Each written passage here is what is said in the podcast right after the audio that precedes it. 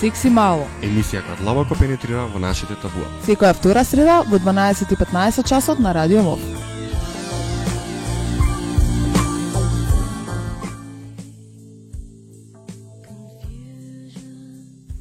Дечки здраво, еве уште една среда со нас, тимот на Секси Мало. Овдека во студиото е Лина, заедно со една нова волонтерка во нашиот клуб Рина, па еве да не стоиме она да не каже за делот од Секси Мало, како се чувствува тука и слично. Здраво, јас сум Рина и волонтер во Хера сум некои 4 месеци, почнувајќи од октомври. Добро. Исто така денеска како тема на нашата емисија одбравме насилството врз жените и што би било побаво да ни зборува некој што конкретно сега во овој период води една тако еден таков проект за насилство врз жените на медиумите. Со нас во студиото тука е Елена. Па еве Елена представи се и потоа ќе зборуваме конкретно за проектите и слично. Здраво, јас сум Елена Димушевска, дел сум од Националната мрежа против насилство од жени и семејно насилство, која што е формирана во мрежата да сум од самиот почеток, од незиното формирање, тоа беше 2010 година. Како мрежа, главната идеја за формирање беше да се здружат женските навладини организации кои што веќе работат на оваа проблематика, и а, со заеднички сили по активно по силно да лобираат и застапуваат за унапредување на законската регулатива за обезбедување подобра заштита на а, жените жртви на насилство. А, овој проект кој што го спомна е насилство врз жени и медиуми, поддржан од програмата на Сивика Мобилитас а, се однесува на а, идејата во суштина за овој проект да побараме поддршка од медиумите во овој процес кој што го спомнав предходно. А, медиумите се важна алатка, а, многу значајно влијаат, а, многу значајно влијаат врз формирање на вредности, ставови, менување на веќе постоечки а, а, мислења и а, после долги години свативме дека е необходно да ни бидат а, блиски партнери во овој процес на актуализирање на различни форми на насилство во жени и барање на барање на барање од државата нели да превземе врска за да ги заштити жртвите и да превенира секако нови нови случувања. Благодарам Милена. Ајде сега малку да се опуштиме со еден блок на музика, а потоа подетално да навлеземе на оваа доста интересна тема во овој период.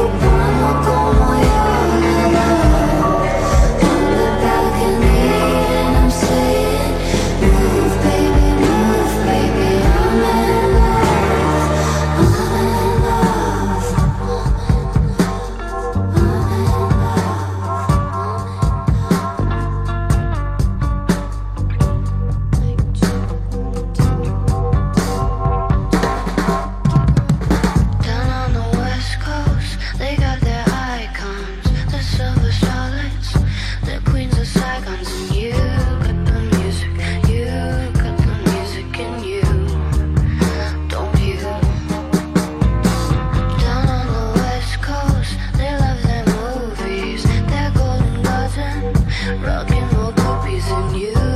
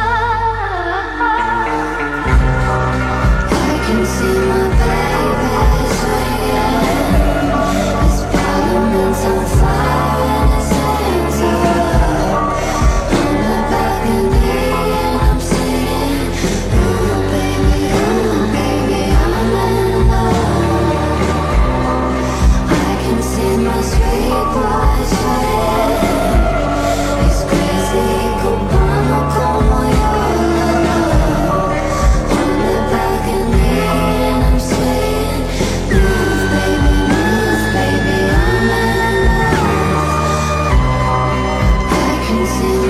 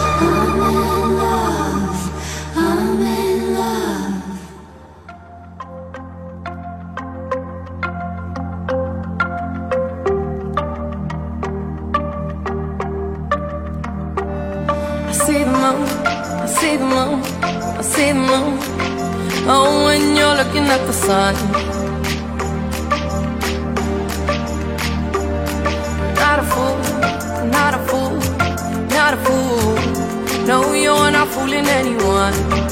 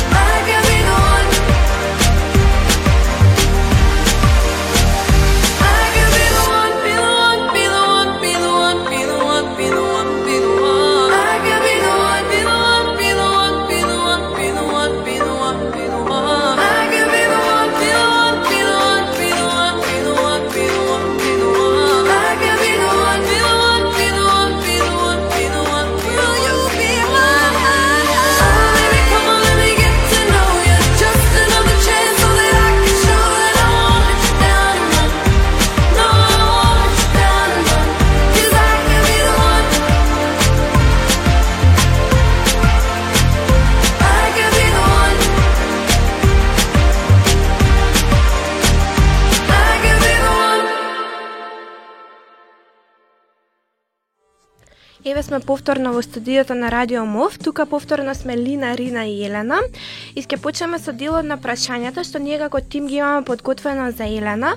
Па еве првиото би било што представува националната мрежа против насилството на жените и семејното насилство, тоа е целото име на мрежата. А, значи тоа е мрежа на организации, во моментов има 27 организации кои што работат на проблематиката на насилство врз жени и семејно насилство и кои што постојат и делуваат повеќе од 10-15 години и работат во различни региони и градови во државата. Значи ние сме мрежа која што делува на национално ниво. Нашата мис, мисија како мрежа е а, унапредување на состојбата на жени на унапредување на состојбата во насока на остварување на правата на, на жените, така кои што всушност се и човекови права, а почнувајќи од а, спречување и намалување на искоренување, не намалување, туку искоренување на насилството врз жените како еден значаен а, сегмент кој што влијае на неможноста да се да се а, остварат сите прави, нели секоја жена индивидуа да се развие во она што може да биде. Добро, а кои се активностите кои ги спроведува таа мрежа, што споменавте пред малку? Активностите, не, мислам, имаме ние различни активности. Поголемиот дел од нив се а, фокусираат на унапредување на, проц... на механизмите за заштита, значи сервисите кои што може да ги добијат жените жртви на насилство. Тоа се а, шелтер центри, СОС линии, кризни центри, психолошки бесплатна правна помош. Значи овие сервиси се достапни за жените жртви на насилство. Во нашата земја ги има премалку и се недоволни за а, во нели во споредба со бројот на жртви кои што пријавуваат насилство секоја година. Така да ние како мрежа работиме на а, застапување за а, отварање на поголем број сервиси кои што ќе бидат пристапни и достапни за сите жени без разлика дали живеат во урбани или рурални ем, општини. А, исто така работиме и на превенција. Предходно сме имале предходните години активности со а, во, активности во кои што фокус група ни биле младите и ем, организиравме тренинзи, работилници за родово базирано насилство, а, препознавање, форми, а, спречување, а нели се со цел да се влијае на нели формирање на уствари растење на младина која што ќе може да го препознае насилството и која што активно ќе се бори против против истото. Зборам за насилство врз. Пошто нели секако има различни форми на насилство. Се. Во моментот мрежата спроведува проект кој што на почетокот јас го споменав под името Насилство врз жените и медиумите, унапредување на техниката на известување и медиумска покриеност на случаи на насилство врз жените. Кажете ни нешто интересно за овој проект и која е всушност целта која сакате вие да ја постигнете? Ам, целта која што сакаме да постигнеме со проектот, основната цел на проектот е унапредување на соработката на граѓанските организации и медиумите во насока на подигнување на свест на пошироката јавност за постоење на различни форми на насилство врз жени и секако е, заеднички настав во процесите на застапување за е, ратификација на Истанбулската конвенција која како меѓународен документ е многу значајна за нас, зборам организации кои што работат на оваа проблематика. Значи конвенцијата е прв документ кој што прв меѓународен документ кој што ги регулира различните форми на насилство во жени и а, Македонија како земја ја подпиша, но не ја и ратификува, односно Македонија се уште не е обврзана да постапува според препораките од таа конвенција и а, затоа ни се потребни медиумите. Всушност, а, што што сакаме ние да направиме со медиумите? Преку циклус на девет работилници сакаме да ги запознаеме представниците од медиумите кои што работат на овие теми а, да ги запознаеме со секоја форма на насилство, затоа и секоја работилница ќе ни биде, ќе ни биде со посебна тема. Додека до, до сега ни помина една работилница об, општа иницијална за конвенцијата и што значи таа. Следната работилница, а, втората работилница беше за сексуално насилство и силување. Сега во четврток на 11 имаме трета работилница која што ќе биде за физичко насилство и фемицид. И така ќе следуваат, значи, а, уште а, шест, вкупно девет, како што кажав, кои што ќе опфаќаат различна форма на насилство. Ние преку прикази на случај и а, споредбено а, компарат, а, споредбена анализа на македонската легислати, а, македонската законска легислатива и она што е препорачано од меѓународната заедница. Сакаме да представиме каква е ситуацијата во државата и да побараме помош од медиумите тие тоа да го пренесат до пошироката јавност. Значи да пишуваат статии, да пишуваат а, а, колумни, без разлика дали е а, да подготуваат прилози доколку се работи нели за а, за како доаѓа за телевизија, за национална телевизија а, и да ги пренесат сите овие информации до до општата до општата популација. Фала ти, Елена. Мислам дека ова беше доволно добар вовед за овој дел од емисијата. Еве сега ќе продолжиме пак со една музика, а потоа се враќаме повторно во студиото на Радио МОВ.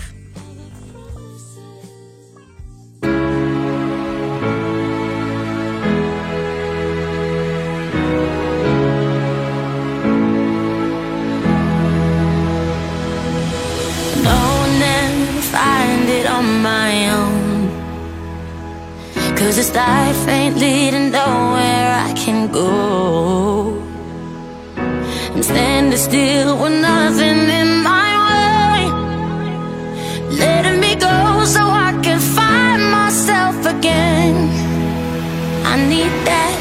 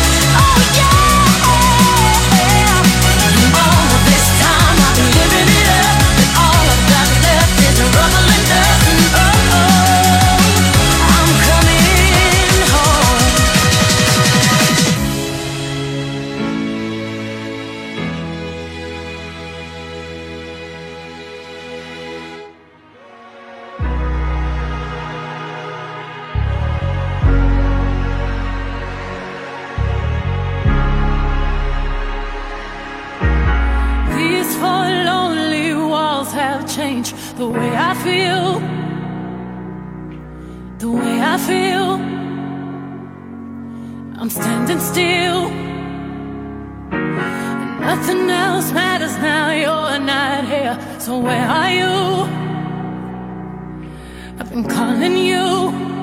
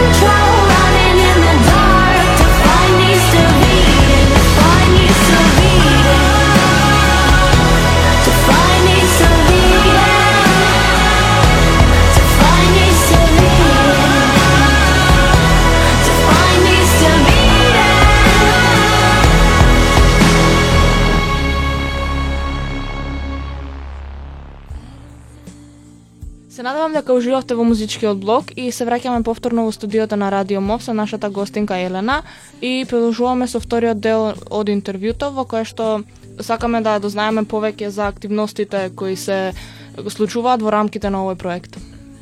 Да. Како што спомнав, значи а, првенствено започнавме веќе со работилниците со новинари. Ги спомнав првите три теми. Би сакала да напоменам дека останатите облици на насилство за кои што ќе разговараме со представниците од медиумите се присилна стерилизација и присилен абортус, малолетнички бракови продажба на сопруги, насилство вржени од особено ранливи групи, насилство вржени со попречаност и мислам. А, и семено насилство и интимно партнерско насилство. А, значи тоа се темите кои што ќе бидат а, со кои што ќе бидат а, на работилниците, покрај тоа ќе биде планирано е во проектот да изработиме заедно со новинарите речник на новинари за родово базирано насилство. Значи идејата на овој речник е внатре да ги содржи сите тем, сите а, поими кои што се користат кога се зборува на оваа проблематика, а, истите да бидат дефинирани, а, да со, со цел да се доближи и до новинарите и до јавноста што секој термин точно значи. Кај нас а, ние се среќаваме често со а, мешање на, на поими, особено формите на насилство, затоа што освен семеното насилство во Македонија не многу се зборува за овие други форми кои што често ги кои што ги набројав до сега. А, така да а, мислам дека сметавме дека е необходно да убаво се издефинираат сите работи за кога пишуваат и ги користат овие поими да бидат да бидат сите, на сите да ни биде јасно за што се зборува. И секако ќе следи и презентација на на речникот со надеж дека новинарите ќе го користат во иднина. А освен за новинарите, тој ќе биде достапен и за пошироката јавност? Да, речникот секако во електронска верзија ќе биде објавен на веб страната на мрежата, доколку некој сака да го има и во печатен, може ние го испечатиме, доколку некој сака да го има во печатена копија, може слободно да, да ни се обрати и ќе се добие бесплатен примерок. Тоа се секако и бројот на мислам печатењата копии ќе бидат за дистрибуирање до сите оние кои што се заинтересирани да го имаат и да се информираат повеќе за ова, за оваа проблематика. Дополнително во речникот сакавме да планираме да бидат вклучени а, и сите меѓународни документи кои што се однесуваат на оваа проблематика, не само конвенцијата, туку и сите предходно усвоени, без разлика дали нашата држава ги ратификувала, подпишала или не за повторно ќе кажам да бидаме и да бидат и новинарите и пошироката јавност информирани за е, што све се случува и на што све се работи кога станува збор за насилство вржени. А дали има е, нешто како SOS линии за пријавување на насилство, бидејќи јас лично не сум запознаена. Знам дека постојат, но не знам како да стигнам до истите. Мгм.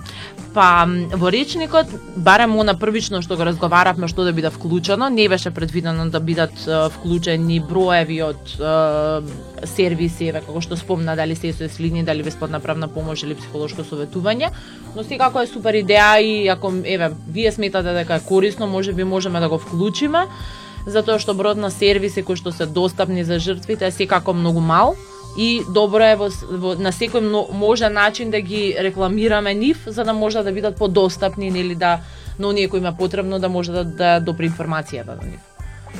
А на кој начин ќе можат младите да се вклучат во рамките на овој проект? А, ние на почетокот на проектот, уште пред да почнеме со, со работилниците, објавивме конкурс е, за пријавување нели на учесници на, на работилниците е, до правен факултет во Институтот за новинарски студии или новинарство како беше.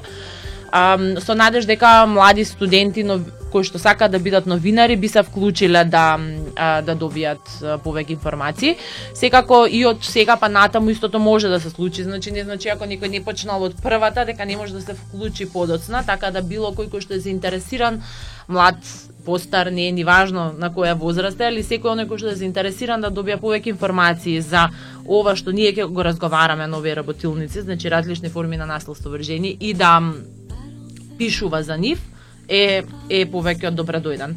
Ам, и да не се вклучат на работилниците, ние би сакале да ги потикнаме младите да а, па ќе кажем, пишуваат нова тема, отвараат дискусии, поставуваат прашања, разрешуваат дилеми, затоа што само така ќе го зголемиме знаењето е, на младите за постоењето на на овој негативен феномен, родово мислам родово базирано наследство и ќе можеме сите заедно нели да ја подобриме состојбата во нашата држава. Добро, благодарам. А ќе ве пропуштам, ќе ве препуштам новата колешка Лина. Здраво е од мене. Значи за крај би кажала само дека ова беа доста добри информации за тоа како ние би се вклучиле, како ние би дознале нешто ново за овој проект. За крај би сакала само да ги повикам младите да се вклучат во оваа тематика, не само во овој проект, да се информираат на социјалните мрежи како најдобар дел за нас за информирање како млади и слично. И тоа би било се за оваа емисија. Се надевам ми бевме интересни, се слушаме за две недели на истово место во среда. Чао од сите нас тука. Чао и од мене. Чај и од мене.